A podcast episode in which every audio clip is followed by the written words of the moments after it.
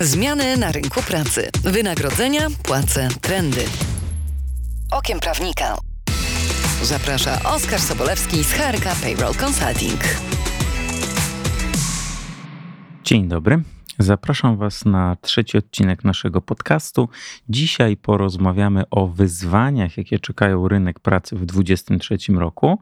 Z jednej strony omówię takie zmiany, które dotyczą przede wszystkim e, pracodawców, między innymi kwestie płacy minimalnej, pracy zdalnej, badania trzeźwości, czyli tych reform, które będą pojawiały się na początku 2023 roku. Natomiast e, w drugiej części porozmawiam o rekrutacyjnych e, wyzwaniach i tutaj z moim e, gościem przeanalizujemy sobie, jak rynek pracy obecnie wygląda i na co powinniśmy nastawić się w kolejnych e, miesiącach. Czy pracodawcy będą bardziej zwalniać, zatrudniać, jakie benefity nadal e, są oferowane dla nowych pracowników. Także o tym w drugiej części, a na początek spojrzę na to, co ustawodawca z jednej strony przygotowuje, z drugiej strony już przygotował a o czym pracodawcy powinni wiedzieć już dzisiaj. Pierwsza zmiana, jaka obejmuje pracodawców, jaka pojawi się już na początku przyszłego roku, czyli płaca minimalna wzrośnie rekordowo do kwoty 3490 zł już od stycznia i do kwoty 3600 zł od 1 lipca. Do końca 2022 roku płaca minimalna wynosi 3010 zł, co oznacza, że ta podwyżka od 1 stycznia to będzie prawie 500 500 zł. Z jednej strony oczywiście pracodawcy muszą się przygotować na to, żeby te podwyżki sfinansować, a z drugiej strony pojawi się presja płacowa ze strony innych e, pracowników, którzy zarabiają może nie płacę minimalną, e, no bo tutaj mamy ustawową podwyżkę i tak naprawdę pracodawca tę podwyżkę musi sfinansować, musi ją zrealizować, no bo do tego jest zobowiązany, biorąc pod uwagę obowiązujące prawo. Natomiast e, problemem mogą być e, sytuacje obejmujące tych pracowników, którzy dzisiaj zarabiają na przykład kwotę 4000 zł, niecałych 4000 zł, ale również e, pozostali, którzy patrząc już czysto kwotowo, nie mówiąc już o podwyżce procentowej, no bo ta podwyżka płacy minimalnej to będzie około 20% wzrost świadczenia. Patrząc kwotowo, no to podwyżka o 500-600 zł, no niewątpliwie jest to do dość e, duża podwyżka, co oznacza, że wiele osób może przychodzić do pracodawców no i z pytaniem, dlaczego ja, osoba, która zarabia 4, 5, 6 tysięcy złotych, takiej podwyżki nie otrzymuje, a osoby z tym najniższym wynagrodzeniem tego rodzaju podwyżkę mają otrzymywać. No i też pracodawcy będą się zastanawiali tak naprawdę, w jaki sposób e, sobie z tą sytuacją poradzić, no bo o ile kondycja danej organizacji jest na tyle dobra, że e, te podwyżki będziemy mogli sfinansować, no to sytuacja jest trochę prostsza, no ale wielu pracodawców e, zastanawia się, kalkuluje, liczy różnego rodzaju wzrosty, które na nas czekają, albo już e, były ponoszone w roku 2022, albo dopiero od początku 2023 roku, związane chociażby z energią. Te koszty, rachunki, które będą rosły i rosną, są dość e, duże i widoczne że tak naprawdę prowadzenie działalności gospodarczej może się wielu pracodawcom nie opłacać. Z tym powiązana jest oczywiście cały czas rosnąca, chociaż lekko hamująca inflacja. Jeżeli porównamy sobie dane październikowe, listopadowe, no to w październiku zbliżaliśmy się już do 18%. W listopadzie inflacja trochę zwolniła, ale pamiętajmy, że fakt, że inflacja nie wynosi już 17,9%, tylko 17,4%, no to nie jest e, tak, że te ceny spadają, one po prostu trochę wolniej rosną. Nadal mamy bardzo wysoką inflację. O ile listopad, grudzień faktycznie, może nawet styczeń nie będzie z tą wyższą niż w październiku inflacją, chociaż tutaj też prognozy w tym zakresie są różne, no to szczyt e, inflacji spodziewany jest w lutym, no i wtedy tak naprawdę pojawiają się nadal prognozy mówiące o tym, że może ona się zbliżyć, a nawet przekroczyć 20%. No i porównując te kwestie płacowe, jeszcze do inflacji, no to tutaj też e, wiele osób wskazuje, że tak naprawdę tworzymy sobie cały cały czas spiralę cenowo-płacową, która tak naprawdę będzie nam coraz bardziej napędzała inflację. No i fakt, że ci pracownicy będą przychodzili z pytaniami, w jaki sposób pracodawcy będą im rekompensować tę wysoką inflację, wysokie ceny, może powodować, że tak naprawdę ta inflacja wcale nam nie będzie hamowała, a przynajmniej to hamowanie będzie dużo wolniejsze niż mogłoby mieć miejsce. Także te wzrosty płac na początku przyszłego roku będą wyzwaniem dla rynku pracy, natomiast nie jest to jedyne wyzwanie, jakie nas e, czeka. Kolejna ważna zmiana 1 grudnia została przyjęta przez Sejm, czyli nowelizacja kodeksu pracy. Ona się składa z dwóch e, części i o szczegółową analizę myślę będziemy mieli okazję jeszcze sobie przejść przez ten cały mm, projekt w kolejnych e, odcinkach, zarówno w kontekście pracy zdalnej, jak i badania trzeźwości. W momencie, kiedy te przepisy już w tym finalnym brzmieniu zostaną przekazane do podpisu prezydenta, także mam nadzieję, że w kolejnych odcinkach e, uda mi się tutaj te najbardziej problematyczne zagadnienia dotyczące obu tych zagadnień omówić z gośćmi. Natomiast warto już o tym e, wiedzieć i warto już o tym pamiętać, że ten najważniejszy krok, e, biorąc pod uwagę pracę nad tą ustawą, czyli przyjęcie jej przez Sejm, co nastąpiło, tak jak powiedziałem, 1 grudnia e, miało miejsce. Ustawa jest e, procedowana obecnie w Senacie, no i wszystko na to wskazuje, że będzie wchodziła w życie w pierwszym, ewentualnie na początku drugiego kwartału. Z tym zastrzeżeniem, że oczywiście praca zdalna będzie wchodziła później. Tutaj jest ten dwumiesięczny okres vacatio legis, natomiast w przypadku badania trzeźwości mamy tylko 14 dni, także ta ustawa pod kątem badania trzeźwości będzie mogła wejść w życie szybciej. No i jeżeli chodzi o samo badanie trzeźwości, pracodawcy oczywiście nie będą mogli wszystkich pracowników badać już w momencie wejścia w życie tej ustawy. Będzie to musiało zostać e, wprowadzone do regulaminu.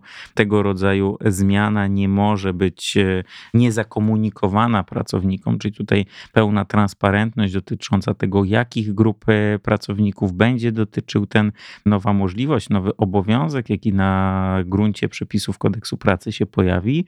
Także pracodawcy będą mogli zbadać trzeźwość, a z drugiej strony również e, działanie i obecność w organizmie pracownika innych środków, które działają podobnie do alkoholu.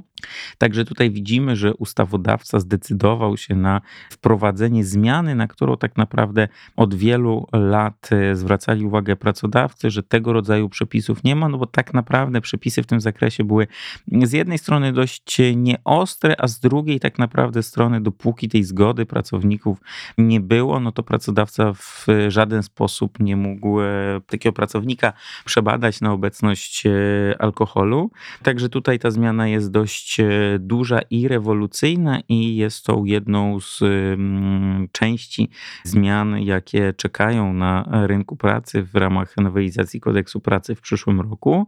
Jeżeli chodzi o drugą część tej nowelizacji, to jest praca zdalna, która zostanie w końcu po prawie trzech latach, a biorąc pod uwagę moment, kiedy te przepisy będą wchodziły w życie, no to faktycznie w trzecią rocznicę wdrożenia przepisów umożliwiających e, pracy zdalnej na zasadzie ustawy covidowej. E, te przepisy z ustawy covidowej zostaną zlikwidowane, natomiast w miejsce telepracy w kodeksie pracy ma się pojawić e, praca zdalna i zgodnie z tą ustawą, która została przyjęta przez Sejm w dniu 1 grudnia 2022 roku, pracodawcy będą mogli wdrożyć w swojej organizacji, w swoim podmiocie tego rodzaju formę świadczenia pracy. Szczegóły dotyczące tego, kogo, w jaki sposób, w jakiej częstotliwości praca zdalna będzie obejmowała, to będzie musiało musiało zostać uregulowane w regulaminie albo w porozumieniu, w zależności od tego, czy to będzie konsultowane ze związkami zawodowymi, czy z innymi przedstawicielami pracowników. Także to będzie również, e, podobnie jak badanie trzeźwości, uregulowane e, w sposób bardziej sformalizowany, tak żeby te zasady, kogo i na jakich i w jakich sytuacjach obejmuje praca zdalna, były wyraźnie znane wszystkim pracownikom.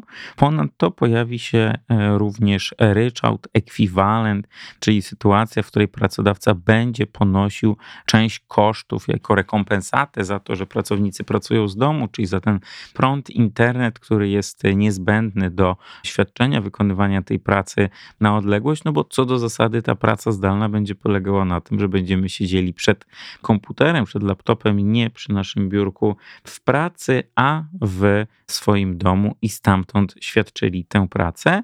Także na to warto e, zwrócić uwagę, że tutaj też na etapie wdrażania w danej organizacji pracy zdalnej mogą się pojawić e, kwestie e, sporne, jak ten ekwiwalent, jak ten ryczałt ustalać, w jakiej on powinien być wysokości. Tutaj związki zawodowe jeszcze na etapie procedowania w Sejmie, wcześniej na posiedzeniu Rady Dialogu Społecznego wskazywały, że ta wysokość ryczałtu powinna zostać określona w przepisach e, ustawy, tak żeby nie było wątpliwości. Natomiast ministerstwo, pracodawcy wskazywali, że tutaj tak szczegółowy sposób regulowania na gruncie przepisów ustawy nie jest e, konieczny, no i to już w danej organizacji będzie to ustalane e, w tej sytuacji. Także tutaj każdy pracodawca tak naprawdę będzie sobie ustalał wysokość tego ryczałtu. No i to może być liczone albo za dzień, albo za miesiąc, w zależności od tego, jak e, w danej organizacji zostanie to przyjęte. Pojawiają się już e, informacje dotyczące tego, ile taki ryczałt powinien wynosić. Natomiast no, oczywiście tutaj zawsze są kwestie sporne, jak tego rodzaju sytuacje należy liczyć i jak na to należy spojrzeć. Z drugiej strony mamy oczywiście jeszcze kwestię dotyczącą przepisów e, BHP, jeżeli chodzi o pracę zdalną, mm, to również będzie musiało zostać e, uregulowane. No to, że praca jest świadczona nie w biurze, nie w miejscu, które zapewnia pracodawca, a w miejscu naszego najczęściej zamieszkania, nie oznacza, że tutaj te warunki pracy związane z bezpieczeństwem i higieną nie będą mogły i nie będą musiały być e, przestrzegane. Co więcej, pracodawcy też będą mieli możliwość kontrolowania tych e, warunków pracy, o czym również e, nie możemy zapominać. Ważną kwestią i ważnym jeszcze problemem, który był poruszany, a tak naprawdę pewnego rodzaju sporem na gruncie wdrażania i finalizacji prac nad projektem w Sejmie, była liczba dni dotyczących pracy zdalnej okazjonalnej czyli takiego trochę przeniesionego na grunt przepisów kodeksu pracy home office, czyli sytuacji, w której tak naprawdę pracownik e, zwraca się do pracodawcy z pytaniem, czy może pracę świadczyć danego dnia z domu bez większej formalizacji w tym przypadku. Tutaj też nie ma tego ryczałtu, o którym mówiłem przed chwilą, no i w tej sytuacji pracodawcy oczywiście co do zasady wyrażają zgodę, no bo to jest taka forma bardziej benefitowa, ale w takim rozumieniu jeszcze sprzed czasów pandemii pandemii, gdzie faktycznie ten home office był swego rodzaju benefitem. No i tutaj była kwestia sporna dotycząca liczby tych y, dni pracy zdalnej okazjonalnej. Pierwotnie ona wynosiła 12 dni, później została zwiększona do 24 dni. Mm, związki zawodowe nie były zbyt y, chętne i nie były zwolennikami zwiększania liczby tych y, dni. Przeciwnie pracodawcy. Pracodawcy opowiadali się za tym, żeby to było 30 albo 36 dni. Zresztą tego rodzaju poprawka o zwiększeniu wymiaru liczby dni, tego maksymalnego wymiaru liczby dni pracy okazjonalnej pojawiła pojawiała się w trakcie dyskusji i w trakcie głosowania nawet nad y, finalną treścią tej ustawy, ale nie została ona przyjęta, czyli zostały 24 dni. Tutaj oczywiście jeszcze jest kwestia tego, jak Senat będzie do tej ustawy podchodził i do tego rodzaju uprawnień, jakie na pracowników y, czekają w związku z nowelizacją kodeksu pracy. To tyle, jeżeli chodzi o te najważniejsze zmiany, które już zostały przyjęte w ramach tej nowelizacji kodeksu pracy. Przypomnę, w e, przypadku badania trzeźwości 14-dniowe wakacje legis, w przypadku pracy zdalnej dwumiesięczne. Natomiast pamiętajmy jeszcze o tym, że cały czas e, procedowane są zmiany dotyczące nowelizacji kodeksu pracy w związku z e, wdrożeniem dyrektywy Work-Life Balance i dyrektywy o informowaniu, które też dokonują pewnego rodzaju rewolucji na rynku pracy. Z jednej strony zmiany dotyczące informowania pracowników, dużo szerszy zakres zakres obejmujący to, co pracodawca będzie musiał przekazywać pracownikom, czyli artykuł 29, paragraf 3 kodeksu pracy, a z drugiej strony kwestie dotyczące nowych dni wolnych, takie jak zwolnienie ze względu na siłę wyższą, czy urlop e, okolicznościowy, tego rodzaju uprawnienia również dla rodziców, dla ojców, które mają pojawić się w związku z nowelizacją i wdrożeniem tych przepisów unijnych. Tutaj tak naprawdę cały czas e, czekamy na wdrożenie i przyjęcie tego projektu przez Radę Ministrów. Następnie ona ma trafić do Sejmu, także początek roku będzie jeszcze pod znakiem wdrażania i procedowania nad e, kolejną nowelizacją kodeksu pracy. Natomiast tutaj chciałem wyraźnie podkreślić, że jest to inna nowelizacja i na tę nowelizację obejmującą implementację przepisów unijnych, co prawda spóźnioną, no bo ona powinna wejść w życie już na początku sierpnia roku 2022, cały czas musimy poczekać, chociaż tam w projekcie jest zapisane 21-dniowe vacatio legis, także może się okazać, że jeżeli tutaj nastąpiłoby pewnego rodzaju przyspieszenie, to wszystkie te trzy zmiany mogłyby wejść nawet jeszcze w pierwszym kwartale, chociaż to jest bardzo takie optymistyczne spojrzenie raczej wiosna, początek lata to będą te miesiące, kiedy implementacja work-life balance będzie wchodziła w życie. Ostatnia zmiana, o której i wyzwanie, jakie czeka na pracodawców na początku 2023 roku, o którym chciałbym powiedzieć, to pierwszy automatyczny zapis do pracowniczych planów kapitałowych, powrót tak naprawdę do mówienia i działania w ramach pracowniczych planów kapitałowych w danej organizacji. Przypomnę, PPK były wdrażane w latach 2019-2020 21. Najpierw największe podmioty, później mniejsze, na końcu najmniejsze, nawet zatrudniające kilka osób podmioty, w tym sektor finansów publicznych, e, wdrażały PPK na początku 2021 roku, a na początku 2023 roku będziemy mieli pierwszy ponowny automatyczny zapis do PPK i obejmie on wszystkie osoby w wieku 18-54, które złożyły deklarację rezygnacji z dokonywania wpłat do PPK. I tutaj ważna informacja, deklaracje rezygnacji tracą ważność w dniu 28 lutego, bez względu na to, kiedy i w jakim e, terminie, w jaki sposób były one składane, czyli bez względu na to, czy to jest pracodawca, który PPK tworzył w roku 19, 20 czy 21, a może w roku 22, bo dopiero wtedy założył działalność i dopiero wtedy był zobowiązany do utworzenia PPK, to oznacza, że pracodawców e, czekają pewnego rodzaju wyzwania dotyczące pracowniczych planów kapitałowych. Po pierwsze, od 1 stycznia do 28 lutego pracodawcy będą informowali te wszystkie osoby, które złożyły deklarację rezygnacji i tutaj zarówno uczestnicy, którzy zrezygnowali, jak i osoby, które nie zostały uczestnikami, co oznacza, że tak naprawdę warto wziąć sobie wszystkie deklaracje rezygnacji, zweryfikować, czy to jest jeszcze nasz pracownik, czy nie jest naszym pracownikiem, czy jest w wieku 18-54, no i jeżeli jest w tym wieku, to przekazać informację, że ta deklaracja rezygnacji traci ważność i począwszy od 1 kwietnia do instytucji finansowej będą przekazywane wpłaty za te osoby. Oczywiście Oczywiście zrezygnować z PPK można ponownie, czyli również e, te osoby, które nadal nie chcą uczestniczyć e, w PPK, nie czują zaufania, nie chcą budować kapitału w tej formie drugofilarowej, mają taką e, możliwość, natomiast wiąże się to z tym, że muszą złożyć nową deklarację rezygnacji z dokonywania wpłat do PPK. Również musi to być złożone w formie papierowej, czyli o tym też należy pamiętać. I tak naprawdę od 1 marca pracodawcy mogą już te deklaracje przyjmować, natomiast również od marca z wynagrodzeń wypłaconych e, w marcu wpłata do PPK musi zostać e, przekazana, potrącona z wynagrodzenia i przekazana do 15, a nawet 17 kwietnia, biorąc pod uwagę to, jak wygląda weekend i dni wolne w kwietniu. Natomiast no, z perspektywy pracodawcy oczywiście najważniejsze zadania no to jest ta akcja informacyjna do 28 lutego. Tutaj ustawowy obowiązek poinformowania tych wszystkich osób e, jest nałożony na pracodawców i z drugiej strony od 1 kwietnia przekazywanie wpłat do instytucji finansowej jako ten drugi obowiązek leżący po stronie pracodawców. Jeżeli chodzi o te najważniejsze wyzwania, jakie czekają na rynku pracy w związku z tym, jakie zmiany w przepisach pojawiły się, to tyle. Natomiast e, do drugiej części e, dzisiejszego podcastu zaprosiłem e, Anetę Czernek, executive dyrektor w HRK, także tutaj koleżankę tak naprawdę z pracy, z którą chciałbym porozmawiać o tych wyzwaniach rekrutacyjnych i o tym, jak wygląda sytuacja, jak te zmiany na rynku pracy, przede wszystkim kwestie ekonomiczne wpływają wpływają na pracodawców? Jakie tutaj są trendy, jeżeli mogłabyś się z nami e, podzielić?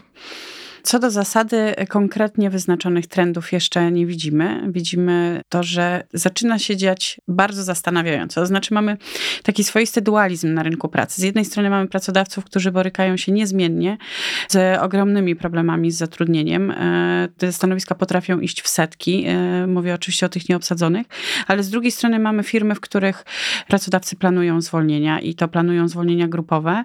Teraz e, też podwyżka płacy minimalnej na pewno tym pracodawcom nie pomoże. W związku z czym e, no, ciężko określić, że mamy do czynienia z jakimś trendem. Myślę, że żaden ekspert rynku pracy dzisiaj nie pokusi się o wróżenie z fusów tak naprawdę. Mamy ciężką sytuację na rynku pracy. Ja bym to porównała, słyszałam taką ciekawą analogię do przewlekle chorego pacjenta.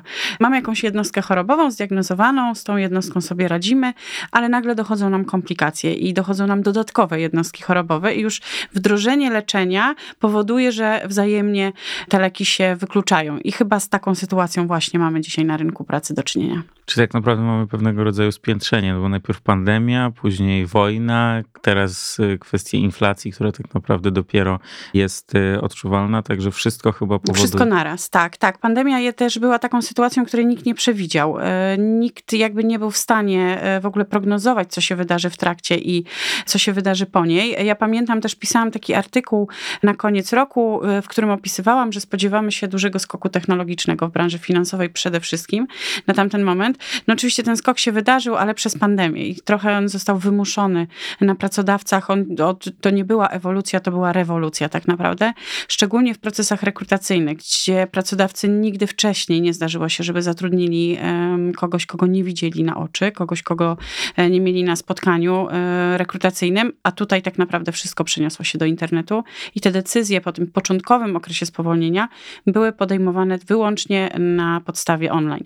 Potem wojna, ale już przed wojną było widać oznaki kryzysu. Już eksperci jakby sygnalizowali, że idzie kryzys, e, w związku z czym ta wojna tylko to spotęgowała. Jak to by wyglądało bez tych dwóch e, gigantycznych wydarzeń na rynku? Też ciężko stwierdzić. Ale biorąc pod uwagę te dwa e, wydarzenia, jednak e, pandemia była bardziej taka rewolucyjna, jeżeli chodzi no, o zmiany. Wojny bywały, tak? E, wojny bywały. Ostatnia pandemia, z jaką mieliśmy do czynienia, no to to były czasy Hiszpanki, tak? Więc nikt z nas, tych aktualnych pracowników, w ogóle nie zdawał sobie sprawy, jak to może wyglądać. To było też ciężkie przeżycie takiej natury społecznej, mam wrażenie, no bo zarówno pracodawcy, jak i pracownicy w pierwszym okresie nie wiedzieli trochę, jak się zachować. Obawiali się o utratę pracownicy oczywiście obawiali się o utratę pracy. Pracodawcy obawiali się, że będą musieli zwalniać, no bo przecież firmy zostały zamknięte, ale też zapominamy o bardzo dużej części firm i w ogóle bardzo dużej części społeczeństwa, która nigdy zdalnie nie pracowała, bo to było po prostu niewykonalne. Więc to myślę, że dla socjologów to będzie bardzo ciekawy temat do e, analizy. Gdzieś prognozy pokazują, że tych pandemii możemy się spodziewać e, w przyszłości więcej, w związku z czym e, na pewno przygotowanie przygotowanie się na taką okoliczność będzie łatwiejsze teraz. A co z nami zostanie? Już jakby takie, chociażby te rozmowy rekrutacyjne, one będą już tylko w online prowadzone, przynajmniej do pewnego etapu? E, jak ten tak, rynek będzie teraz tak, wyglądał? Myślę, że tak. E, tym bardziej, że na rynek wkracza nam w tej chwili Zetka. Już powoli jest. E, za chwilę za nią będzie szło kolejne pokolenie młodych ludzi, którzy, którzy tak naprawdę przez dwa lata mieli szkołę online i oni za nią tęsknią, bo jak rozmawiam z tą grupą, to rzeczywiście tak jest, że im się podobało to rozwiązanie. W związku z czym to na pewno z nami zostanie. Na pewno te pierwsze etapy rozmów rekrutacyjnych, one będą w online. Zostanie z nami na pewno też praca hybrydowa. Mamy już zjawiska workation, mamy zjawiska, e, w których e, pracownik oczekuje od pracodawcy, że może pracować z dowolnego miejsca. Może jeszcze nie na świecie, bo jednak różnice czasowe, ale e, na pewno tutaj, jeśli mówimy o naszym rodzimym rynku. Ja znam przypadek, gdzie w trakcie pandemii jedna z osób przeprowadziła się w góry i nie wyobraża sobie powrotu, w związku z czym postawiła swojemu pracodawcy ultimatum, który wdrożył hybrydowy system pracy, że albo pozostanie całkowicie zdalnie, albo poszuka sobie nowego pracodawcy. I dzisiaj łatwość zmiany tej pracy jest chyba takim największym zagrożeniem dla pracodawców, którzy być może będą chcieli wrócić e, do starych przyzwyczajeń. Widziałem parę takich sytuacji, że e, z perspektywy właśnie tych e, zmian płacowych e, pojawiają się firmy, które właśnie zatrudniają z innych części Polski pracowników zdalnie, no bo na przykład w województwie takim jak podkarpackie, świętokrzyskie czy warmińsko-mazurskie, no ta płaca jest też średnia dużo niższa. Także tutaj też chyba łatwiej jest w dzisiejszych czasach zatrudniać te osoby, które tak naprawdę nawet nie są w tym samym mieście, co siedziba pracodawcy. To zależy o jakim pracowniku mówimy, bo jeśli jeśli mówimy o specjalistach, menadżerach, ekspertach, to nie, to oni są bardzo świadomi tego, że nawet mieszkając e, na terenie Podkarpacia, mogą mieć wynagrodzenie warszawskie. Tym bardziej, że jest pewna grupa osób, która podjęła decyzję o wyprowadzce e, po to, aby tę jakość życia sobie po prostu podnieść, bo to wynagrodzenie tam starcza po prostu na zdecydowanie więcej. Także chyba bym nie prognozowała tego typu zachowania. Musimy pamiętać, że pracodawcy dzisiaj są w bardzo trudnej sytuacji. W ciągu najbliższych najbliższej dekady badania pokazują, że nas będzie milion mniej. Tak. Milion tak. mniej Nawet do 27 się... roku już. Dokładnie. To znaczy, że to nie jest tak, że ci pracownicy znikną albo będą niechętni do pracy i trzeba będzie im zapłacić więcej. Ich po prostu nie będzie, bo oni się nie urodzą. Jeśli do tego dołożymy, chyba z lipca jest to badanie 17,9% osób, które rozważa bardzo poważnie wyjazd z Polski i wszystkie inne ruchy na rynku, to się okazuje, że pracodawca tak naprawdę będzie musiał sięgnąć po pracowników pracowników e, spoza Polski. A spoza Polski to znaczy, że już w tej chwili z Azji i z Afryki, a musimy pamiętać, że e, jesteśmy jednak gigantycznie inni kulturowo i niekoniecznie otwarci na, na cudzoziemców. Polska jest dość specyficzna w tym obszarze. W związku z czym tutaj proste rozwiązania, czyli zapłaćmy więcej, dajmy inny benefit, dajmy im pracować zdalnie, to myślę, że to nie jest rozwiązanie, które pomoże naprawić rynek pracy. Patrząc na te dane ostatnie, które Zakład Ubezpieczeń Społecznych opublikował, to jest e, projekcja na podstawie Ministerstwa Finansów, e, rok 22 22,3 miliona w grupie produkcyjnej, e, rok 27 21,6 miliona, czyli różnica 900 tysięcy w grupie produkcyjnej. No oczywiście zwiększa nam się grupa poprodukcyjna 9 milionów. Którą trzeba utrzymać. Którą trzeba utrzymać i e, zmniejsza się liczba przedprodukcyjna z 6,9 do 6,3 miliona. To są nowe prognozy. One zresztą mają e, założenie dość e, optymistyczne, bo tam jest współczynnik dzietności rosnący, a biorąc pod uwagę liczbę urodzeń, niekoniecznie tak się musi stać, czy może się okazać, że po prostu szybciej się ta prognoza pogorszy, przynajmniej w tej grupie przedprodukcyjnej. No właśnie, jak polski rynek powinien się na to przygotować i czy w ogóle widać już jakieś trendy? No bo jeszcze przed 20 24 lutego widzieliśmy liczbę osób, które pracowały w Polsce, cudzoziemców zgłaszanych do ZUS-u i było trochę mniej. Dzisiaj to jest ponad e, milion, przy czym więcej jest e, kobiet, które przyjechały mhm. z Ukrainy. Jak w tym obszarze wygląda e, i będzie wyglądał nasz rynek? Ja myślę, że te dane z tego roku, który już się zamyka, trochę są niemiarodajne. Ja bym na nich na pewno nie opierała żadnej prognozy, tym bardziej, że ten napływ pracowników do Polski był największy i on był największy z Ukrainy. Po prostu. I efektem tego była wojna, a nie rynek pracy. Ja myślę, że w ogóle jako Europa mamy gigantyczny problem z tymi danymi, o których powiedziałeś przed chwilą, dlatego że chyba największym takim sygnałem jest e, to, co się dzieje, e, a o czym się jeszcze tak otwarcie nie mówi, na rynku niemieckim, który jest najbardziej konserwatywnym, jeśli chodzi o rynek pracy, gdzie, aby otrzymać kartę pobytu, należy się swobodnie posługiwać językiem niemieckim. Czytałam już o tym, że trwają prace na temat tego, aby z tego wymogu zrezygnować. To pokazuje, że tak konserwatywny kraj, jakim są Niemcy, Niemcy już e, przygotowują się na to, że nie będą mieli pracowników. No myślę, że e, czeka nas nie ewolucja, czeka nas rewolucja i czeka nas sięganie po pracowników z innych kontynentów. Także myślę, że pracodawcy jeszcze nie są na to przygotowani.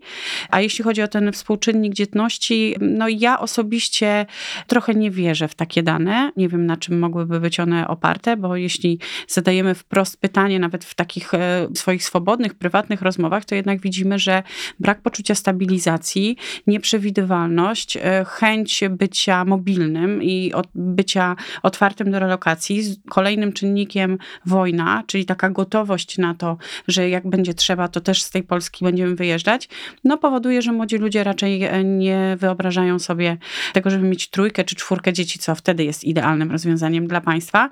No i oczywiście z drugiej strony mamy do czynienia też z, po prostu z rozpieszczonym e, trochę obywatelem, tak? Dobrze wychowanym, wykształconym, który jest wychowany też w takim duchu, e, że jest ważny, że jego potrzeby są bardzo ważne i że to macierzyństwo być może nie jest priorytetem, a priorytetem jest rozwój, priorytetem jest to, żeby po prostu dobrze żyć. Powoli kończąc, jeszcze mam takie pytanie dotyczące benefitów. Jak ten rynek pracy dzisiaj wygląda? Co jest benefitem, co nie jest benefitem? Jakby jak tutaj to ewoluuje w, w ostatnich mhm. miesiącach? No, benefitem na pewno nie jest prywatna opieka medyczna i karta multisport, y, a dla wielu innych również inne benefity, bo to jest po prostu taki standard i nawet ja prowadząc rozmowy rekrutacyjne dostaję pytanie odnośnie tego, co pracodawca przewiduje, czy to jest standard. Tak, tak przewiduje standard. Więc e, mm, to jest trudne pytanie. Tym bardziej, jeśli teraz e, mamy do czynienia z podwyżką e, płacy minimalnej, no to są bardzo duże obciążenia. Te obciążenia osobowe pracodawców są największe. Oczywiście pracodawcy starają się wychodzić z inicjatywą, proponując pracownikom różne rozwiązania. No to są oczywiście znane dopłaty do lunchy, zwroty na przykład za wakacje, czyli tak zwane mm, w czasy pod gruszą, mnóstwo różnych rozwiązań. Te słynne owocowe czwartki, które już nie są postrzegane jako benefity. A może będzie dostała tych owoców do domu, jeżeli Może warzywa teraz. Tak. Być może tak. No myślę, że ktoś w końcu wyznaczy trendy w którymś kierunku. Na tą chwilę te praktyki są tak naprawdę powielane. Mm, mniej więcej spodziewamy się tych samych benefitów u wszystkich pracodawców. One są mniej lub bardziej rozbudowane. To też zależy oczywiście od poziomu stanowiska, ale nie spotkałam się jeszcze z żadnym rewolucyjnym rozwiązaniem, które wprowadziłoby jakiś taki zachwyt na rynku i wszyscy by o tym mówili, że to jest pracodawca, który wyznacza trendy. A jeżeli chodzi o workation, o którym mówiliśmy w ostatnim e, odcinku naszego mm. podcastu, do którego oczywiście zachęcam was do wysłuchania, jeżeli nie mieliście jeszcze okazji. Czy workation to jest właśnie jeden z tych e, benefitów, który faktycznie jeszcze jest taką nowością, czy on już się staje coraz bardziej powszechny? To zależy. Jeśli firma nazwała, zidentyfikowała to jako benefit, to tak, to on pewnie będzie dla pracowników nowością, ale musimy pamiętać, że pracownicy, którzy są z firmą związani od wielu lat, pracownicy, którzy są efektywni, pracownicy, którzy dowożą, e, tak powiem kolokwialnie, to, co do nich należy, oni mogą to workation uzyskać po prostu w takiej rozmowie jeden na jeden z bezpośrednim przełożonym. Także usankcjonowanie... A to było widoczne też przed pandemią? Tego nie, roz... przed pandemią absolutnie nie. Jeśli okay. mówimy w ogóle o pracy zdalnej, bo to, to jest tak. pewien e, rodzaj pracy zdalnej, to ona w zasadzie nie istniała. To znaczy ona była obostrzona tak wieloma um, Czyli takie nakazami, bardziej raz w tygodniu, co jakiś raz czas. w miesiącu musisz zrobić to, najpierw wypełnić to, potem zrobić e, jakieś e, podsumowanie, raport, twój przełożony. To, to było tak skomplikowane, że większość osób z tego po prostu nie korzystała. Bardziej to były rozwiązania ad hocowe, a dzisiaj w tej chwili e, pracownik potrafi podjąć decyzję rano, tak? Dzisiaj jednak zostaje na home office. Albo dzisiaj jadę do biura i na przykład rezerwuję sobie biurko, bo to też jest coś, co zostało mm, wprowadzone w większości przypadków po pandemii. Także odpowiadając na pytanie, usankcjonowanie workation pewnie byłoby benefitem i pewnie byłoby czymś, czym my rekruterzy kusilibyśmy kandydatów na rynku, ale od kuchni rzecz ujmując, to dotyczy po prostu tych najbardziej zaufanych osób. One mogą sobie na takie workation po prostu pozwolić. Rozumiem. A mam jeszcze takie jedno pytanie czy taka teza, że pracodawcy nie będą zwalniać, ale niekoniecznie będą tworzyć nowe miejsca pracy, czy to może iść w tym kierunku, czyli taki okres, przeczekanie, wybadanie, jak będzie dalej, że niekoniecznie zwolnimy, ale raczej tego nowego etatu, nowego stanowiska nie będziemy tworzyć? Mm, pewnie w firmach o takich strukturach lokalnych tak, zachowawcze, biznesowo zachowanie może mieć miejsce. W przypadku dużych międzynarodowych korporacji ja nie słyszałam, żeby któraś z nich zmieniła swoje strategiczne plany, na przykład tranzycji stanowisk albo rozwoju, albo rozbudowywania chociażby hubów finansowych, które tutaj w Polsce dość mocno się rozwijają. Niemniej jednak myślę, że w ogóle określenie, że w tym kierunku pójdzie rynek pracy, czy w tamtym kierunku pójdzie, jest w tej chwili, myślę, tak jak powiedziałam, wyróżeniem z fusów, dlatego że część firm będzie zwalniać, część firm e, się zatrzyma i będzie próbowało przeczekać, przeczekać. a część firm będzie się dalej rozwijać, nawet w kryzysie. Nawet kryzys jest koniunkturą do rozwoju i do zarabiania, także no po prostu jak to na wolnym rynku. To prawda, trzeba umieć się odnaleźć w nowej e, rzeczywistości. Zresztą to chyba pandemia też dobrze pokazała, kto umiał szybko podjąć dobrą biznesową decyzję, żeby zmienić profil e, działalności. No i dzisiaj tak naprawdę widać, że te decyzje e, były sprawdzone. Tak, to e. była taka odwaga i też tak naprawdę pandemia była świetnym momentem na to, żeby firmy zwiększyły swoje obroty, bo tak się w wielu przypadkach stało.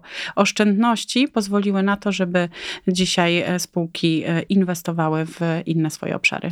I tym pozytywnym akcentem będziemy kończyli. Moim gościem była Aneta Czernek, executive dyrektor w HRK. Bardzo Ci dziękuję za rozmowę.